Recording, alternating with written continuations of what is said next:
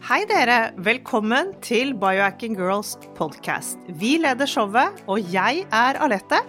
Og jeg er Monica. Vi er gode venner og kolleger, og vi legger sammen våre erfaringer og kunnskap for å inspirere deg til å bli din egen biohacker og optimalisere livet ditt. Vi følger med på ny forskning og trender, og stiller de spørsmålene vi mener er nødvendige. Ja, vi deler informasjon om biohacking, life coaching og fitness, og vi håper at du vil føle deg inspirert og klar til å ta et tak for å komme i den beste helsemessige form. Velkommen til Biohacking Girls podcast. Vi er veldig opptatt av stress, for det stress er noe som aldrer kroppen vår, aldrer organene våre, og det er ikke noe man tenker på hele tiden når livet går så fort og vi har altfor mange avtaler på blokken. Vi stopper ikke opp og dveler nok med hva det stresset gjør med oss. Nei, fordi aldringstegnene de kommer jo ikke så veldig tidlig som ofte. Konsekvensene er ikke synlige før det har gått veldig mange år. Vi tenker jo ikke over dette, vi rett og slett, som du sier, vi glemmer å stoppe opp og nyte livet og hoppe over alt dette stresset. Ja, og det er så mange innfallsvinkler på stress òg, og i dag så skal vi snakke om anti-aging, og det er relatert til stress. Vi skal snakke om uh, anti-aging også, hvordan det leder til uh, for tidlig aldring, sykdommer, dårlig mat og søvn som påvirker oss, organenes funksjon, DNA-et vårt, hva kollagen og autofagi betyr, EMF, elektromagnetisk stråling, det er masse å ta fatt på når det gjelder aldring. Ja, og vi lever jo faktisk i en veldig spennende tid nå, for det er gjort så mye forskning på alt dette med anti-aging. Så det er jo utrolig spennende og masse nytt man kan prøve. I dag har vi med oss Leslie Kenny. Hun er grunnleggeren av Oxford Healthspan. Hun er opprinnelig fra California og har studert business både på Berkeley og Harvard. Nå blir jeg litt sånn starstruck. Da hennes helse begynte å skrante, tok hun tak og begynte å gjøre alt for å optimalisere sitt eget liv. Hun tok en utdannelse på Institute of Integrative Nutrition i New York. Hun ble en av de første bulletproof-coachene under Dave Asprey, og hun startet å coache folk over hele verden. På samme tid som dette så ble hun også oppmerksom på molekylet spermidin, og hvilken utrolig anti-aging-effekt det har. Leslie, first of all, it's so nice to see you again and have you back on the show. Thank you so much for the invitation. It's always so much fun to be with you too. oh, thank you. And it was so much fun last time too. And we had great questions about the spermidine. So we have to go into details um, uh, later on in the episode. But what you are coming to Oslo, and yes, and we uh, can't wait to share the news about that either. We're going to do our first biohacking conference, and thank you for joining the tribe here. Absolutely. I can't wait. And as you know, I'll be in Boston just the day before with my other tribe, my grad school tribe back at Harvard. And then the very next day, I'll be with you guys and get to spend time with you lovely Scandinavians. It's going to be fun. Yeah, we are so grateful you're coming. We really need you, Leslie. I, well, I'm looking forward to it. We're going to we're definitely going to be dancing in the late summer sunlight. Oh, that's so great because uh, today the topic is uh, anti-aging, and we need all our energy to be uh, explosive and uh, fun to be around. Last time we had you on the show, we talked about your Primeadine. Yes. Uh, should we just wrap up a little bit and uh, talk about that and see if there's any updates? Yeah, absolutely. Uh, yeah. Well, I think the biggest thing is that we um, we understood talking to a lot of our customers that there was a real unmet need for gluten free and soy free spermidine. People who were able to take Primeadine Original really loved it, but it does have a small amount of gluten in it. And if you're celiac, and we know that celiac disease disease is more common in Scandinavian countries, it's more common in Scotland and Ireland. Um, these individuals really just can't tolerate it at all.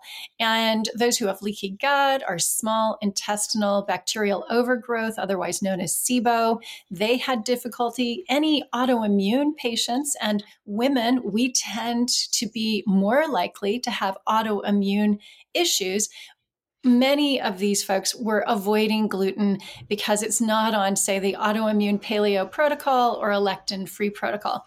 And uh, so we got together with some scientists and began to look at other sources of spermidine. And as you both know, spermidine is everywhere, right? You know, we produce it, our pet cats produce it, our pet dogs produce it.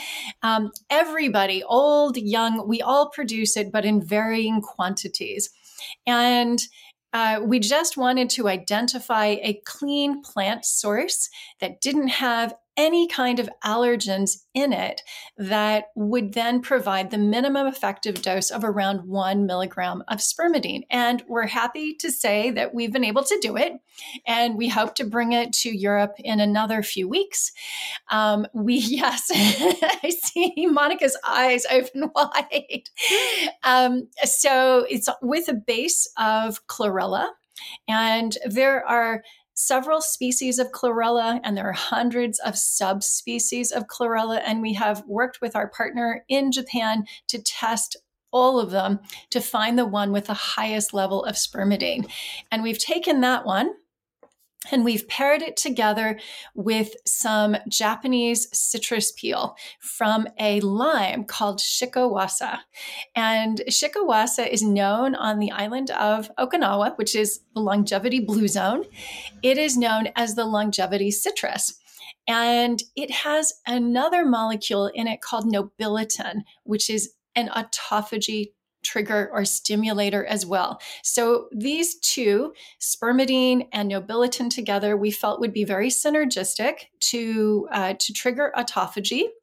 And uh, then we've added in some turmeric, and who doesn't love turmeric? It's anti-inflammatory. Spermidine is also anti-inflammatory, um, but it's just a, a wonderful, um, very natural anti-aging agent. So, those are the three ingredients of Primeadine GF. And we're very excited to be able to make this available to those folks who weren't able to take the original because of the gluten content. But like me, that I really love the original Primeadine product. Should I switch or should I just stick to the old one? Well, so this is this is the thing. You know, when I when I came up with this product, I thought it's a good product, but I have to say, I love, I love the original, right? And my eyelashes are so long, my hair is thick. I, you know, I still don't dye my hair, and I'll be 57 in a couple of months. And, I just thought, I'm not sure I want to switch. So, what I've done instead is I'm taking the Primeadine GF in the morning and I'm taking the regular in the evening because I just didn't feel I could personally give it up. But they're going to be people who are at different stages of, say, the autoimmune journey or different stages of the healing journey, or simply they are celiac or they are very gluten sensitive and they cannot tolerate uh, what we have in original. But do you take like a double dose then? So I'm or? taking I'm taking a double dose. I'm taking the um, I'm taking the gl- the gluten free version um, in the morning and that's 1.2 milligrams. And then in the evening, I'm taking one milligram. So we know from the European Food Safety Authority, um, which is part of, uh, you know, w- which develops the uh, the rules for food and nutrient safety in the European Union, that six milligrams of spermidine is the upper limit for what you can take.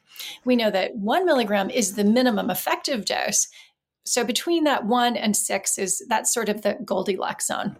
So, so when uh, Dave Asprey talk about his dosage, I think he's up to six or eight milligrams. Uh, do you like if you go the extreme way? What would be well, so Dave is Dave will always he will always experiment and that's what biohackers do. And obviously individuals can we can't prevent people from experimenting, but I like to maybe it's because I'm a girl, I like to follow some rules.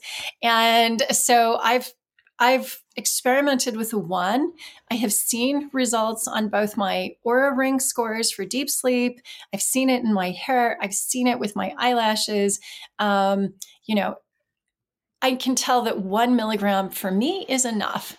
If someone needs more, then they're probably going to experiment like Dave is. But for me, I don't know that I need uh, such a high dose. And what I will say is that maybe it was three or four weeks ago, David Sinclair, who's a well known anti aging professor at Harvard Medical School, was on a podcast. I think he did two podcasts where he was asked, What's your anti aging stack? And he said, uh, You know, he takes resveratrol, resveratrol, NMN. These are his two favorite molecules. And then he said he took spermidine as well. And when he was asked how much he took, he said he took a gram of spermidine. Now, this had to be uh, clarified. So, you know, basically, uh, this later it was said that he misspoke when he said a gram. If you took a gram, you would you would kill off the healthy cells. A gram, that's a thousand milligrams. We have one milligram in our dose. What he's actually taking is one milligram a day. Uh-huh. Um, yeah, okay. but the the contents in the capsule are around a gram. So that was probably the confusion. So there was, you know, a gram, about a gram of powder, of which one mm. milligram was spermidine. And that's, that is where all of this you know, all of these messages that I was getting. Why do you sell so little? You know, it's supposed to be a thousand times that amount. I'm just thinking there's a lot of misinformation here. Um, Very good that you uh, it's yeah, a, clarify. Yeah, yeah. yeah. Uh, and for our listeners, can we here in Norway still uh, continue to buy? We have this uh, fantastic Texas coming into Norway, so it's really uh, such a yeah crappy thing. But, uh, yeah. but still, we can continue to order from you. Yes, it's not. That's not a problem it seems that those countries that are in the European Economic uh, Area were able to at least do some trading. Although, yes, you you have your your taxes, and uh, we Brits we also have them too. So uh, it is it's unfortunate uh, of course, if the two of you would like to sell it for me there, be my guest. okay, talk about that. That's oh, cool. yeah. yeah. But anyway, uh, there's a lot of uh, bad products on the market too. Uh, yeah. And what is the difference uh, between synthetic uh, and natural supplements here so, on the Primeadine? Yeah, so this is this is a really good question. And again, when people were coming to me on my YouTube channel or on Instagram saying, a thousand milligrams. We need a thousand milligrams. You have far too little. And, you know, I found a company that will give me 60 milligrams. And I'm looking at it and I'm thinking, one, it's synthetic. We have never tested synthetic products in the human body before that product will not have the other cofactors that come with spermidine naturally in food. So, for instance, you know, we talk about the one gram that David Sinclair took, and that's about the same amount that we have in our product one gram of, of plant material. What else is in there? Well, you will have the other polyamines such as spermine and putrescine, clearly men name these things. And and they are all part of a virtuous recycling loop.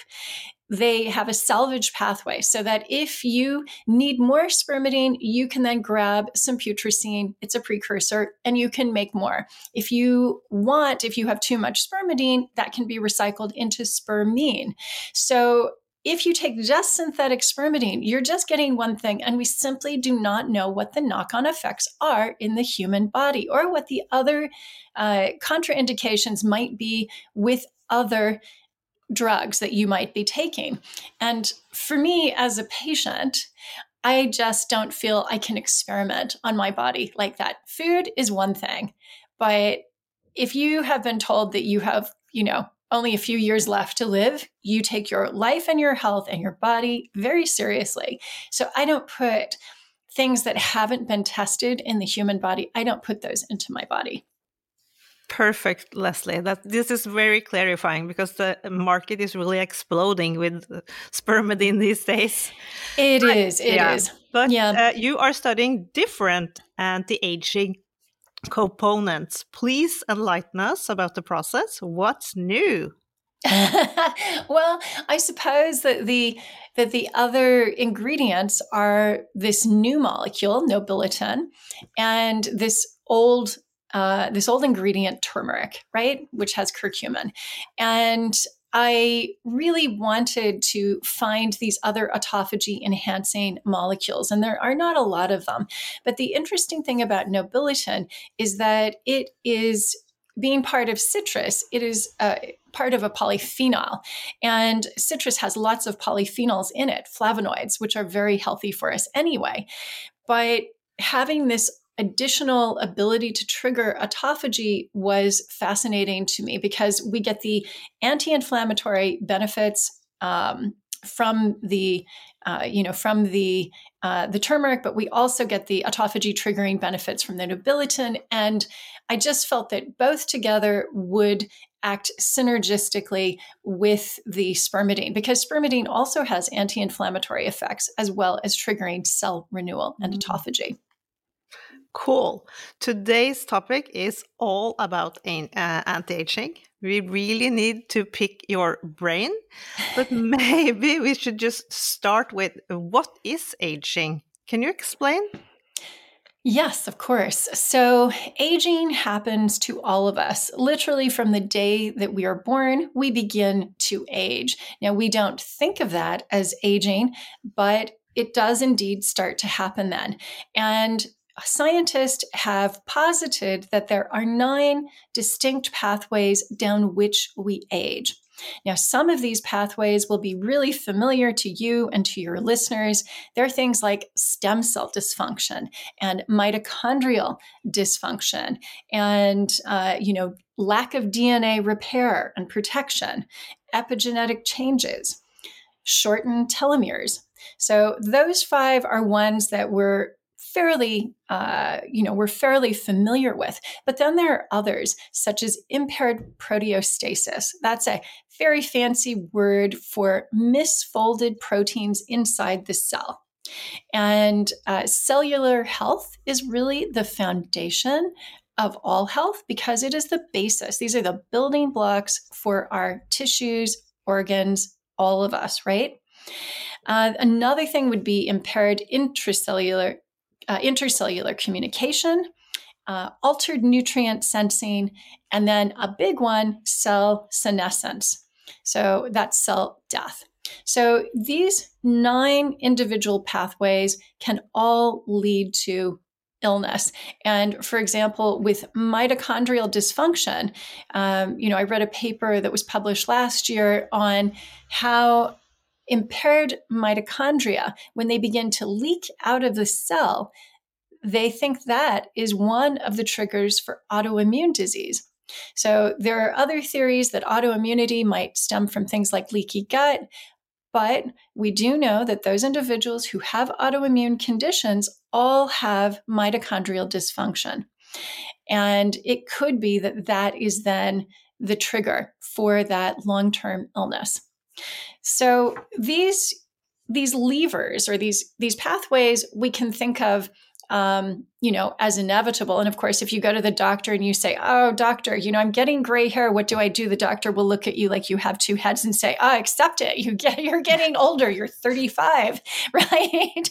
and, um, but we can also think of those, those nine pathways as levers that we can push on and try to slow the progression of aging with. So that's why I was really keen to find molecules that would press on those levers and basically inhibit aging. Because if we can slow down aging, then we can avoid all the diseases of aging any kind of cancer, Alzheimer's, autoimmunity, uh, heart disease, these are all illnesses of aging. Even if we get them when we're young, all that says is that we are biologically older. So that's why finding these molecules that inhibit multiple pathways That's quite exciting. Spermidine does it, rapamycin does it, um, NAD, that will do one of them. Uh, other things like glucosamine, they will inhibit too. And uh, it's really looking at these molecules and mixing and matching them so that we inhibit all nine pathways. That's what I find exciting. Interesting. And but how would we know what to look for, how we are aging, what kind of tests, what kind of supplements we need? Because there's a jungle out there. Yeah, that's true. Well, there are a few, I always say as a health coach, you've just got to work with a good functional medicine practitioner and get your full blood panel done. Really comprehensive blood work, probably a 24 hour urine collection and panel, maybe even gut biome testing, stool testing, and uh, check your nutrient deficiencies, your antioxidant deficiencies, mineral deficiencies, uh, any underlying chronic illnesses like H. pylori or Candida. Um, obviously, COVID is one. Um, make sure you treat those infections. Definitely look at your hormones. And we women know better than anyone else that once our hormones begin to decline, we feel it and we see it. We get more brain fog. We notice the wrinkles begin to appear. Uh, the skin gets crepier. We kind of dry out, right? So we want to quantify the amount of all of these things and then working together with our functional medicine practitioner, then develop a strategy. How do we target each of these individual things? Because what works for me might not work for um, for Alette. What works for you, Monica, might not work for me. It's all bio individual. And uh, when I had my autoimmune condition, my C reactive protein level, which is a very common anti inflammatory marker that I'm sure any doctor in Norway would be able to get for you, um, my numbers were sky high. They were so, so high. My tumor necrosis factor alpha levels were ridiculous. My cytokine levels were off the charts. Just quantifying things like that are very helpful to see gee, is this person chronically inflamed? And do they have an underlying disease, which I did indeed have too? Um, you could also go that extra step further and do a biological age test and there are several on the market. Um, there's the glycan uh, glycan age test to look for uh, glycation in the body. There's also TruDiagnostics out of the United States, and they're looking at things like telomere length and DNA methylation. Um, so, DNA methylation is one of those things spermidine does definitely help with. There's good research on that, but uh, it poor DNA methylation is a marker of higher biological age. So you could do that and just to see what your biological age was. So you are touching some of the more difficult parts here because we tend to receive uh, questions from our listeners who ask, "Oh, can you look at my blood tests? Uh, I just got this from my doctor, but he didn't explain anything." Oh dear. And there's not such a good system here to really I mean, you have to Google all the markers, and yeah. and it's hard to be alone in this world. So we don't. Uh, I mean, we don't know where to um, actually um, get our answers. Get our yeah. answers, yes, right, and also give advice. But yeah. you, as a health coach, you do keep uh, I mean, you help people. You help people like that uh, online, and so I don't personally do that anymore, but I did do that before.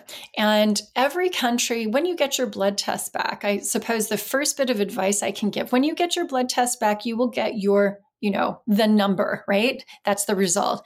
And say it's for pantothenic acid, which is vitamin B5. And to the right, you will have something called a reference range. And the reference range is what the average amount of that vitamin is in a population similar to you.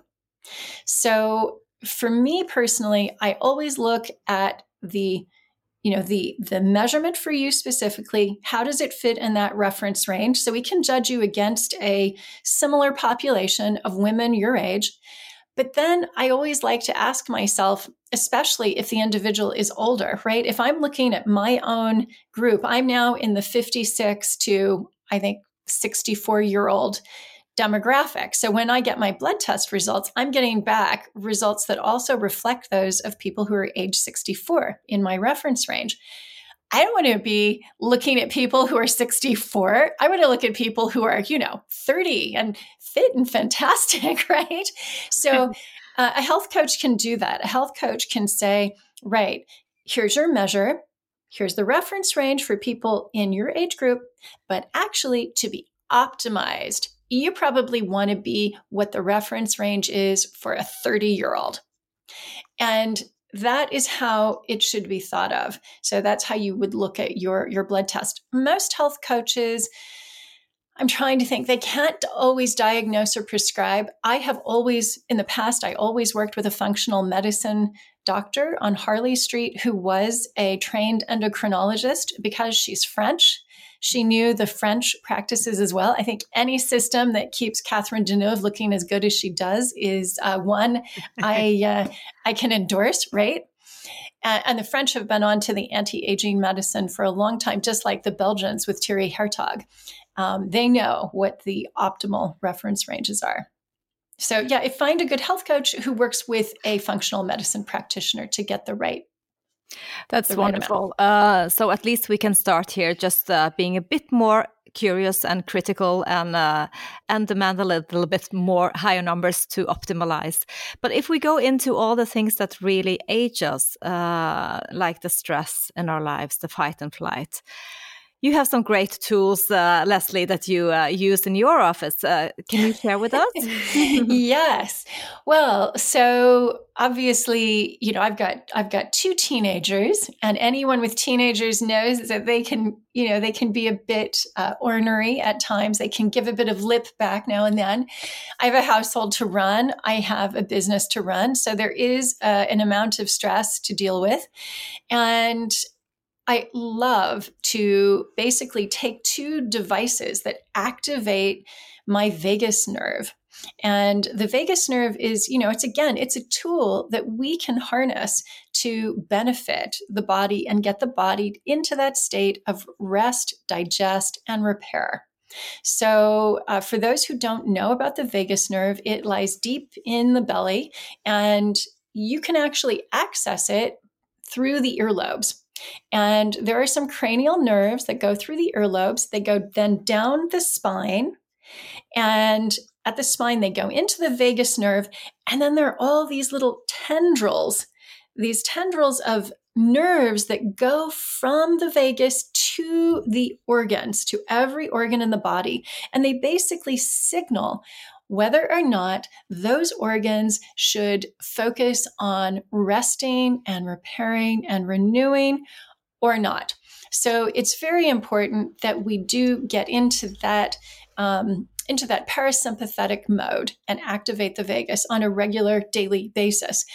Um, in the United States, uh, the Veterans Administration hospitals have had to engage with this very actively. Um, for better or for worse, the United States has soldiers who have been in battle and they come back with post traumatic stress disorder. And this means that they are chronically stressed. They're always in fight, flight, or freeze mode. And so at the VA hospitals, they have used a device called the Alpha Stim, which is FDA uh, approved as a medical device uh, since I think 1989. They've got around 100 studies showing that it improves depression, improves PTSD. I'm not saying it cures it, but the scientific evidence is robust.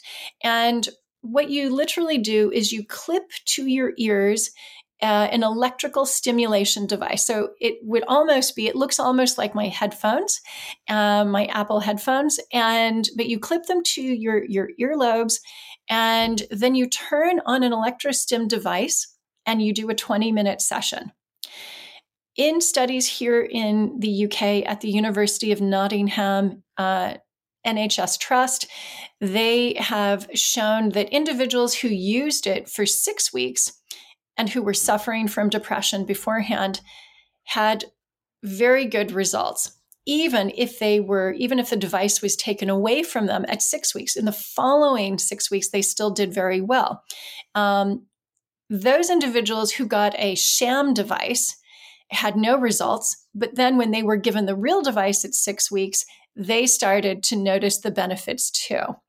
And so the NHS Nottingham uh, Nottinghamshire Trust has actually bought around 120 of those devices because as you can imagine during COVID we've had so much demand for mental health help and there simply are not enough individuals there to uh, to deliver care to all of these people. So what they have done is they've said, well, we don't have space to see you now, but you can try the Alpha Stim, And so it's one, it is one possible tool. So we have actually tried Alpha Stim. Uh, we tested it for weeks, and uh, we were more curious about the deep sleep. Sleep. It didn't change our deep sleep, but maybe it changed our uh, our uh, age. I don't know. But uh, for the listeners, uh, hopefully. hopefully. for the listeners, Oslo Neurofeedback Center in Bogstadveien Majorstuen, they actually rent out an Alpha Stim. So you can rent it for like six, 700 kroner per week and test it. So that's great. You don't have to own it. Yeah, that so is good because they are expensive devices. Um, and the, uh, the other thing that I do is I really like to layer on another device called the Sensate.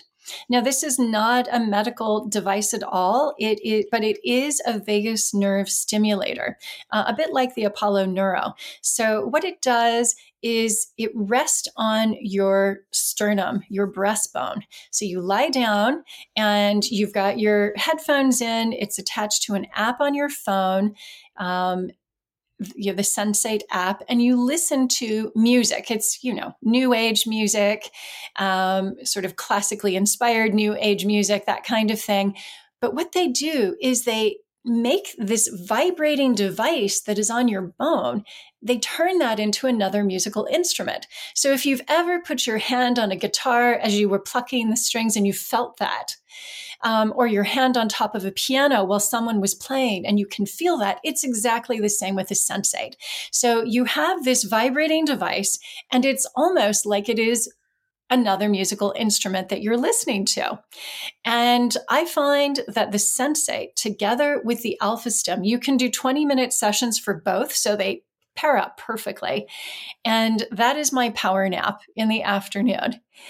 I love those 20 minutes. And I really find that I just wake up a lot calmer, not flustered, not agitated. Um, you know, if my daughter comes in and I say, How was school? And she says, Fine, and doesn't say anything else, I'm okay with that.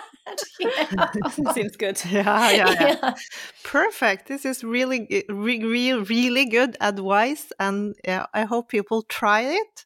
And we have to move into disease, especially the autoimmune conditions, mm. how these attack the body, and how, what to look for. And we're all, yeah, subject to it. And making us older. Yes, and it's really making us older.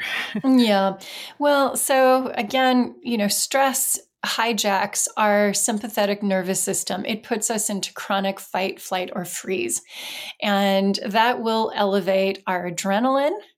Um, so if your adrenaline is elevated, the body can't live in an adrenaline constant environment. So it converts it when the immediate threat is no longer there, the body converts adrenaline into hydrogen peroxide. This is exactly what we use to clean our wounds and to bleach our hair. Only in this case, we're doing it from the inside out. And individuals who have ever experienced chronic stress at work or with a family issue or a health issue, sometimes they go white their hair goes prematurely gray. And this is due to stress and the body simply being unable to deal with that hydrogen peroxide overload from all that adrenaline, right? So, what we want to do is in a situation like that, one, try to decrease the stress as much as possible, get our bodies out of the sympathetic um, mode, which is fight, flight, or freeze, by activating the vagus nerve, our parasympathetic. But also, we want a strong liver because the liver has some of our master antioxidants, including glutathione, one of my favorites, and superoxide dismutase and catalase. These all will neutralize the hydrogen peroxide. And so if you have enough, it doesn't matter, okay, you've got a lot of adrenaline and it converts to hydrogen peroxide, but the liver has plenty of these other antioxidants, you'll be okay. You won't get the gray hair because it will all be turned into water. That's what these three antioxidants do when they encounter hydrogen peroxide. They turn it into water and we simply excrete it. So, making sure that we can top up on those antioxidants are precursors, like N acetylcysteine is a precursor to glutathione. Uh, spermidine also will enhance uh, the catalase and superoxide dismutase as well as glutathione. Making sure we have things to support the liver is very important. Kvinnehelsekonferansen. Ja, det skjer 26. og 27. mars i Sandvika på Thon hotell. Og vi er så heldige og skal ha et foredrag om sex fra et biohackers perspektiv. Og er du jente, så er det helt sikkert at mange av temaene kommer til å fenge skikkelig. Du kommer til å lære masse. Ja, for salen er fullspekket av spennende foredragsholdere. Og vi da, som Biohacking Girls, vi er så heldige at vi kan tilby dere 10% rabatt. Du går inn på www.kongresspartner.no. Ja, og der husker du da å huke av på Biohacking Girls i påmeldingsskjemaet. Så kan du velge deg en eller to dagers eh, arrangement, med eller uten sosial middag og overnatting. Gå inn på Instagram og følg Kvinnehelsekonferansen for å få mer utdypende uh, informasjon om de forskjellige foredragsholderne. Da håper jeg at vi ser dere, for vi skal være der på søndagen og gleder oss skikkelig. Another one is uh, inflammation, but it's also connected to uh, to stress and to uh, bad food, bad sleep. What are things you never eat and what kind of food is good for us?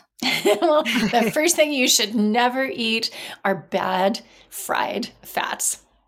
That is just like a poison. And I actually made the mistake of having a tiny um, fried tempura uh, prawn on Sunday night. So I was at someone's birthday party and I was, oh, you know, I haven't done this in years. Let's just see. Maybe things have changed. And I have to tell you, I had to take charcoal on Sunday night because it was so bad. I felt so rotten. So, those types of foods, fried foods, really are just not good. Why? Because those damaged fats, the body is going to encounter those damaged fats and they're going to incorporate them into the membranes of our cells. That's not a happy cell um, because nutrients aren't going to cross properly into it. It's not going to be perfectly round and it's not going to communicate with the other cells as well. So, in order to have happy cells, avoid fried food as much as you can. Um, you know, the Asians often will steam their vegetables and they will, or they will boil them and then they will put oil on afterwards so that you get the benefits of a healthy fat that hasn't been uh, altered by high heat. And that, of course, is what happens when we deep fry things like uh, tempura. Hmm. But you have kids yourself, so you know mm. that uh, French fries is, uh, yeah, a good one. how, how do we make French fries healthy? Well, I think an air fryer is the answer. And, you know, you, with an air fryer, you can also use, if you wanted to, you could use a small amount of oil. You don't have to use any oil, but you could use a small amount. And it's always, we're always making compromises as parents, right? As mothers I can't force my children to eat the healthy thing, the healthy vegetables all the time because they're going to want to have something um, you know, a sweet treat, right? Yeah. Because they see their friends getting this. And it's the same with those french fries. If I have to use a little bit of oil, then that is comparatively better than deep frying the way they do it, say, McDonald's, right? Yeah, and and they have to they have to find this out by themselves that's my experience as well they will yeah. they will eventually they will listen, they do. to you when they Actually, grow up i've been i've it. been so i've been so pleased that my 17 year old she's um, she's in sixth form now and so she can bring her lunch to school and she makes it every morning and today i was watching her but all this week she's added broccoli or green beans. She'll boil them because she knows that the brassica vegetables have oxalates, which can be, um, you know, painful. They can lodge in the joints. so she always boils her broccoli and uh, she'll add in maybe a nice uh, hard boiled egg and um, sometimes some gluten free pasta. And she puts on, she drizzles over really nice extra virgin olive oil and some good Himalayan salt and then some furikake. You know, these are these sesame seeds from Japan that have a little bit of um, seaweed and ume shiso, that's um, plum leaves in them. And I just thought, well, I think she's going to be okay, right? I I think so too. Great job, yeah. Great yeah. job. But let's move into mm-hmm. our genes and epigenetics. We talk about this a, a lot. Could you yeah. just please explain the difference and what we can do here? Right. So, um, obviously, everyone knows about DNA and genes and the fact that we inherit these um, this blueprint from our parents and our grandparents. Many people have the misconception that this is our destiny, that if we have genes that say we are predisposed to getting fat, that it won't matter what we do. We'll just become fat. And obviously, there are all of these testing services now, like 23andMe, that many people have tried to get some insight into both their ancestry as well as their genetics. But DNA does not account for uh, for what we will become. They are certainly not our destiny. And depending on whom you speak to, some people will say that DNA is only 10% of the picture, others will say 30% of the picture. But really, um, as you so elegantly said in your uh, your email to me when you mentioned this topic, um, the DNA is sort of like the uh, the sheet of music, but epigenetics our environment, the things that we encounter through diet, sleep, exercise, relationships, that's the piano player, right? And that's why we need to do everything possible to make sure that the foundation, those foundational things, diet, sleep, exercise, and relationships are all good right? That they support us, that they don't trigger us in any way. Like, say, fried foods might trigger us, might uh, might attack, cause an, an, inflammatory event in the body, and uh, cause, um, you know, some damage to the DNA. We don't want that, so we avoid those fats. Sleep, we know, is very important to keep down inflammation, allow repair, cell renewal, autophagy right? So I think you you just put it more beautifully than I ever could. I loved your analogy. Thank you. That's great. And another trigger is electromagnetic field. It's so invisible. Mm. Uh, and yesterday, when we went home from school uh, with my son, I was telling him, "Look at this area, the shopping center at Majorstuen. There's so many um, uh, 5G here, the fifth generation of uh, of um, Wi-Fi, and uh, you cannot see it. If we just draw a picture, there would be lines all over the place, and we cannot see it.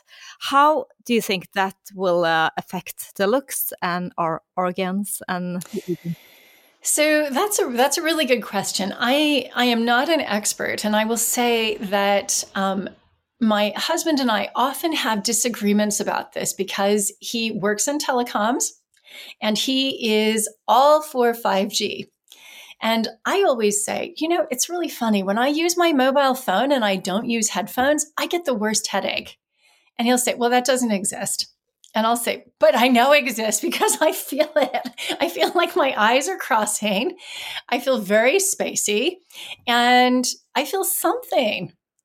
So I'm not, I understand that scientists have not yet found everything, that there are many scientific papers that say 5G is fine. I can only say that I personally feel something. Now, for me, I live in, uh, you know, a medieval city. Uh, I love living here in Oxford. I don't want to leave it. So I have to figure out how to mitigate those effects. And I know that some people will actually create these uh, EMF shield tents to sleep in. Other people will try to ground their beds as well. Um, I'm not an expert here. I'm mm. not, I'm just not sure. So I don't want to give a bad answer. I think you'll find a better expert someplace else. Okay, just keep the eye on the investigation and uh, all the analysis that's yeah, coming. Yeah. yeah, this is still yeah. such a new field. Yes. It's it's hard to it's, navigate in this field. It's it's a new field. Actually, one thing I will say is that back in 1996, I was at the um, Eidgenössische um, Technische Hochschule in Zurich. And I think a lot of Norwegians do their engineering degrees down there, at the ETH or the ETH. And I was working uh, in the Feldtheorie department, field theory department, so elektromagnetische Feldtheorie. And I was there not as a scientist, but as a translator. And I was translating technical papers from German into English. And they were looking at mobile phones and the uh, the EMF onto the head. And what I will, what I do remember from that time was that at least at that time, and we have really come on so far since then. It's not like this, but at that time, the head was being used to amplify the the signal. And yeah, now it's not like that anymore. But whenever something new happens, I always wonder have they figured that out yet? Because we know when mobile phones first came out that it did seem to be the head was actually used as a sort of antenna. So it's not like that anymore. But is there something we we haven't yet figured out? I don't know. I don't know. Time will show. Yes. uh, can you explain to us the difference between lifespan and health span. These are two terms that we hear all the time these days. Yes, absolutely. So, lifespan is really about the um, the time, the, the the starting point when you're born, and then the end point when you die. But it does not take into account how healthy you are in the interim. And I don't know about you, but when I was growing up, you know, my grandmother had a brain tumor, and she died several years after discovering the brain tumor, and she'd done years of chemo and lots of drugs. And although her lifespan was very long. Well, very long. It was 67 years, not so long, really.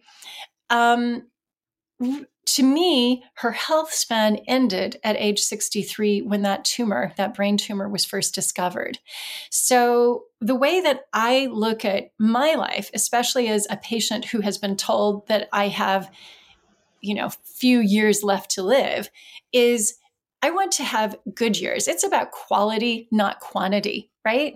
So lifespan is the quantity, health span is the quality.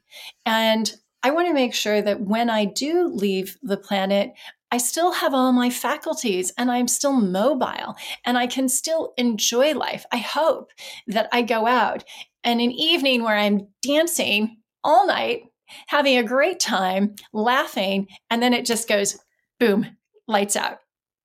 Perfect. I mean, uh, we would like to find all the greatest biohacks uh, to uh, keep us young. Uh, uh, but we have to look for good sources, reliable products, not made in China, probably. But how can we Sadly. pick the right stuff? Where are the scientific studies? And if we just go into, we did talk about spermidine. What about stem cell therapy? Uh, okay. How, how to find the right one? Sure. Okay. So let's uh, let's. Those are two different questions. Let's first talk about products and how you can tell. How do you judge what is good or not? And I had this problem myself when I entered the supplement industry as an outsider.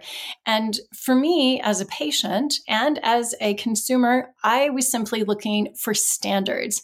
And this is something that you know i'm always looking for systems standard operating procedures uh, and measuring. How do we measure the, the, what is actually in there make sure that it's there? And also purity and testing for heavy metals like mercury arsenic lead cadmium. How do we make sure those aren't there as well as things like e. coli salmonella? These are all things that can get into our supplements. These need to be tested. So what I have discovered is that at least um, the US Food and Drug Administration has a registration system. They will give facilities around the world that they inspect a designation of FDA registered. Uh, and it has to be renewed every three years. They give that designation if the facility actually adheres to certain standards. Now, another type of standard is called ISO 22000. It's a good manufacturing practice standard, and that is for food safety. So, a lot of times you might see on a bottle, it will say GMP, that means good manufacturing uh, practices and it will say 9001. Well, 9001 simply means that that factory has standard operating procedures. They have certain ways that they carry things out. And those standard operating procedures, which are written down, are filed someplace, but nothing more. ISO 22000 is really strict. They look at things like are there waste hazards near the manufacturing facility? Where the raw materials are used. Uh, is there any opportunity for mold or water or light, all of these other things, humidity to get in and contaminate the ingredients? So, ISO 22000 is another good standard to which I think manufacturers um, should adhere. So, those two are the ones that I look for, and we use facilities in Japan, the United States, the UK, and Ireland that use all of those. I think the UK is our UK manufacturing facility is the only one that doesn't have the FDA registration, but everything else, uh, all the others do have both. And that's a really good way to look at it. Now, in terms of China, you know, I'm I'm half Chinese, so my mother is from Taiwan, this highly disputed island off the coast of China that has all the missiles pointed at it. Um, and I, you know, there are things that come from China that are fine, but there are things that come from China that are suspect. And I think if we if it does not say that it has this designation, then we just don't know. And that is what concerns me. I don't know. Um, have these chemicals in this manufacturing facility been near other chemicals that might be hazardous? I have no way of telling. But if it has that FDA designation or the ISO 22000 designation, then I do know that. So I see that on your product, uh, Primeadine mm-hmm. here. We yes. we find this designation, yes. Uh, yes. But then I have another uh, supplement we're going to talk about afterwards, which mm. has not uh, any of this. So, okay. Yeah. So that that is, um, you know, and that's that's another reason why why our supplement is a bit more expensive, right? Um, we know. did find a lot of factories that said, yeah, we can take your powder and we can, you know, throw it into the hopper and we can get it into the little capsules. And I said, well, so what else do you run in here? Well, they run lots of things. All of these manufacturing facilities, they run everything. You don't know what else is being put in there, and you don't know the cleaning process. But with an FDA designated facility or an ISO 22000 facility, you know they have got to clean it strenuously. There are standards to which they need to adhere, or they lose that status, and that means lost money to them. Thank you. You cleared that very, very good for us now. So, what about the stem cell therapy? So, stem cell therapy, that's really a juicy topic. Um, and I was so lucky because before I started doing the supplement business, I got to work with some really interesting spinouts from the University of Oxford that were looking at stem cells. So, why are stem cells so enticing? Because they know how to repair our body. You know, you want to, uh, you, your knee, uh, you've got a, a problem with your ACL, your MCL, you went skiing and Verbier and you messed it up.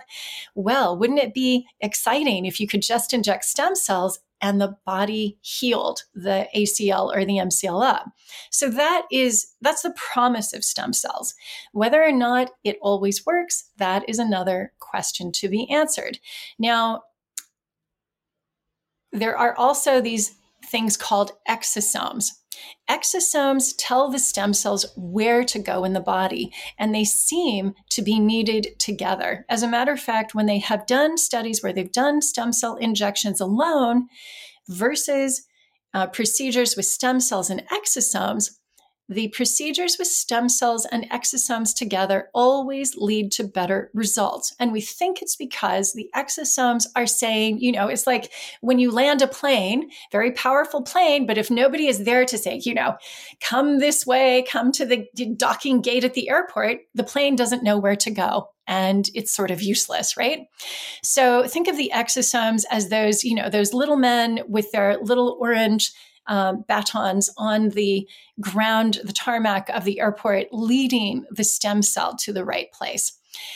Um, in terms of what is affordable to us and whether or not we should do this, well, what I will first say is that former head of the chemistry department here at the University of Oxford, Steve Davies, when I said stem cells, okay, I want I want to have this stem cell treatment. You know, this is going to make me look young again. And he just said, "No, Leslie, you can't do that, you know." What if you already have cancer in your body and you're re-injecting stem cells that do that? You might be you know causing more problems than solving things. And that really uh, that really got me thinking. And so then i talked to another scientist i know who was working on a stem cell expansion company. So these other stem cells come from the umbilical cord so, you know, when you have your baby, you have the umbilical cord and it is full of stem cells. Um, some people will use cryo um, cryogenics to freeze that, such that if that child needs has an injury later, they can unfreeze those stem cells and they can inject them into the body to help that baby heal. The only thing is that there aren't very many in the umbilical cord, and you need something uh, called an expansion fluid to grow those stem cells so that you have enough quantities to make a significant difference in the body. That's an expensive procedure, and you need to have an umbilical cord that matches you, right? Mm-hmm. So that's a problem. Then there was the work of Bob Hariri in San Diego, he worked together with Craig Venter for a while and also Peter Diamandis on placental stem cells. So these are coming from the placenta, which I don't know what you did with with yours after you gave birth. I actually ate mine. you did? You're gasping. yeah. I did. Um, and so, but that is also a source of stem cells and uh, as well as iron for the mother. So, uh, now their product, I believe, uh, you know, it's it's obviously not going to be matched to you perfectly. Uh, I'm not exactly sure how they match it, but these are the different types of stem cells that are out there. You know, so your own stem cells, endogenous. You've got then these uh, umbilical stem cells, and then you have these uh, placental stem cells. There are some people who will, might also take it from your skin. Is it safe? This, I think, is unclear. It is extraordinarily expensive. And we have heard about different people doing the six hands stem cell therapy, which I know Dr. Amy Killen does, and I have a lot of respect for her. You should really ask her this question because she would do a great job with it. Um, but what I do like is platelet rich plasma, and that is affordable, it's safe, and it seems to work. Women probably know it because the Kardashians have made the vampire facial famous. Uh, it is very good for your ACL, MCL injuries. I have a good friend who is a runner for the American Masters team. He had three ACL replacements, and he was desperate to run his last Masters event for the American team. So he went to his doctor who said, Look, I can't do anything more for you. You've had three of these in both legs. But there's this thing called PRP. I'm not saying it's going to work, but we can try it. He swears that that is what allowed him to do his last event. And it allows him to still go to the gym to this day and he can lift weights. You know, if you're thinking of using, of doing squats and you have really bad knees, mm. it's amazing that he can still do this. So that seems to work. I've got great anecdotal evidence on that but also for hair regrowth. For individuals who have alopecia, PRP together with melatonin, that works. And there have been very good results for that. Um, and the good news is that there's actually a stem cell clinic here in uh, Majorstuen, close uh, in Oslo too. So uh, let's uh, talk shortly about uh, something you a more easy way to approach anti-aging. Uh, you talked about it uh, initially, NMN. What is NMN and what does it work? Well, so again, I'm not the expert here. Somebody like Nicola Con- Dr. Nicola Conlon would be a good person, or um, you know, is it David? Uh, it's Dr. Brenner at uh, Chromadex who does nicotinamide riboside. He would know better. But basically, NAD in uh, uh this there is a pathway that inhibits one of the hallmarks of aging and it's a very important one it's very important to our mitochondria functioning properly and there are three different molecules that you can use to try to activate this NMN and NR and NAD. And it really depends who you believe. I think that there is more than one way to skin a cat here. Um, certainly, nicotinamide riboside is the one that many people have seen. So that's made by a company, only one company in the world makes it. That's called Tru Niagen, and Chromadex owns all the patents on that.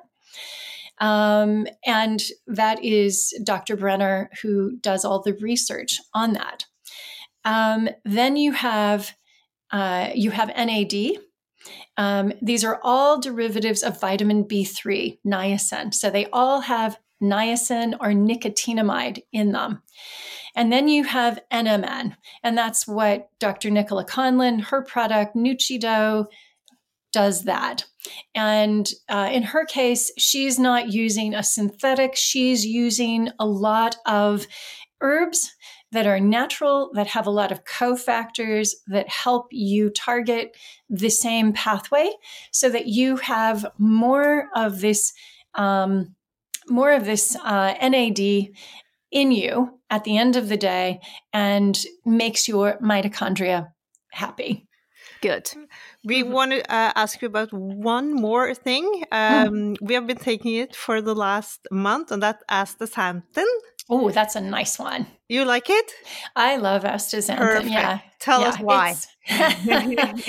um, astaxanthin is interesting. You know, I've been eating algae, seaweed for my whole life because it's part of it's part of the cuisine that my mother cooked right in east asia we have a lot of it and astaxanthin also comes from an algae and uh, yes when we think of algae we think of you know, we think of green stuff, right? But when algae is under stress, it produces astaxanthin, and that is red.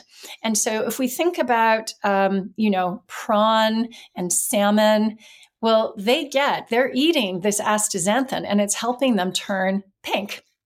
So that's where the color comes from. So it's very natural. It's been around for millennia. And what it does to protect the algae, it also does for us. It protects our skin, for instance, from UVA rays. It's not going to completely eliminate all of the damage done by being outside in the sun, but you know, the two of you are very fair. And I would highly recommend every fair haired Norwegian if you're going to Ibiza or to California or Florida on holiday, please take astaxanthin at least seven days ahead of time. I have a good friend in the pharmacology department here at the University of Oxford, and he said, Oh, yeah, whenever he goes to Florida, he starts taking it seven days before and he never burns. So it's like 12 milligrams per day or? Uh, you could take you can take less. Um, there have been studies which have shown that even taking two milligrams um, versus six milligrams both were very helpful. I think i've seen it i've seen it in so many different dosages. Honestly if i was going to florida and i had very fair skin i would probably take i would probably do a higher dose. Um, but that's just you know i really should look into it. Um, i take at the moment i take six milligrams and i take it before bed. Before and thanks a lot. Uh, this has been such a great journey again, and uh, we are excited to have you to Norway. You're going to visit us to Norway. I uh, can't wait. Fall. Yes, and we have to speak a little bit more and have you on the show before that. But when you come to Norway, you will definitely talk about spermidine.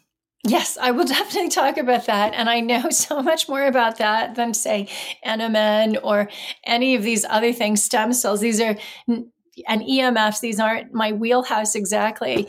Um, I know about them a little bit as a biohacker and a patient, but um, but I'm not an expert. So don't just take what I say with a grain of salt. But spermidine, I can help with. But spermidine is super exciting for yeah. us too, and we I have, just love it. Yeah. I can I can never stop. I have never have, had so thicker hair or longer eyelashes. The eyelashes, it's funny, isn't it? It's a funny really effect. Funny. I was talking to uh, Dr. Stephanie Estima uh, yesterday. So I was doing a podcast with her, and she was saying that she didn't notice the difference with her eyelashes. She noticed that her eyebrows filled in and her hair is thicker. And then she was lucky is her, her color has come back. So she's got the white at the ends and the dark at the roots.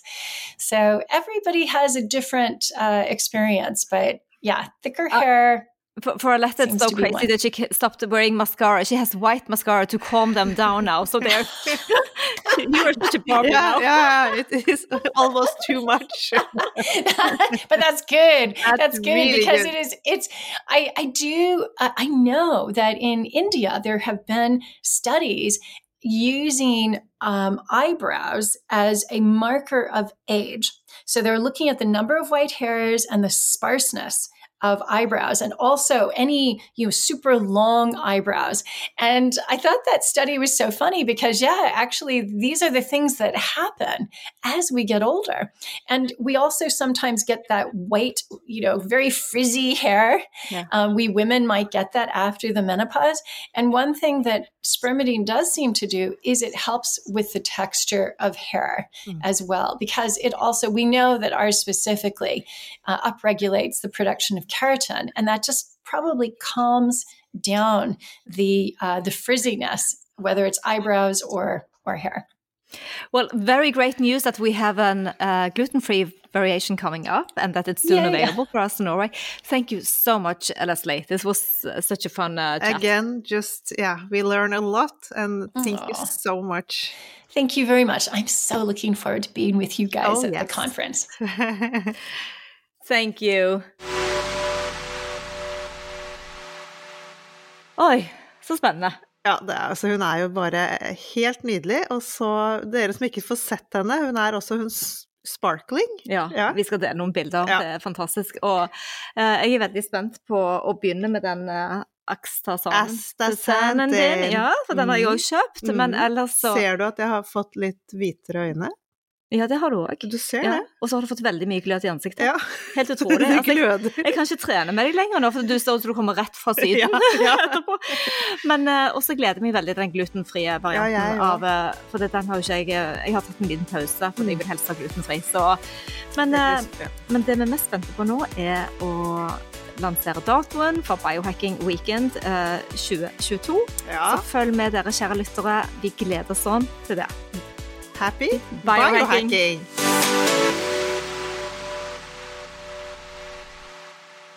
Vi minner om at dere må snakke med egen lege eller kostholdsveileder om dietter og andre spørsmål relatert til medisiner og supplementer. Informasjon vi deler, kan ikke bli brukt til å diagnostisere, behandle, forebygge eller kurere noen sykdommer eller tilstander.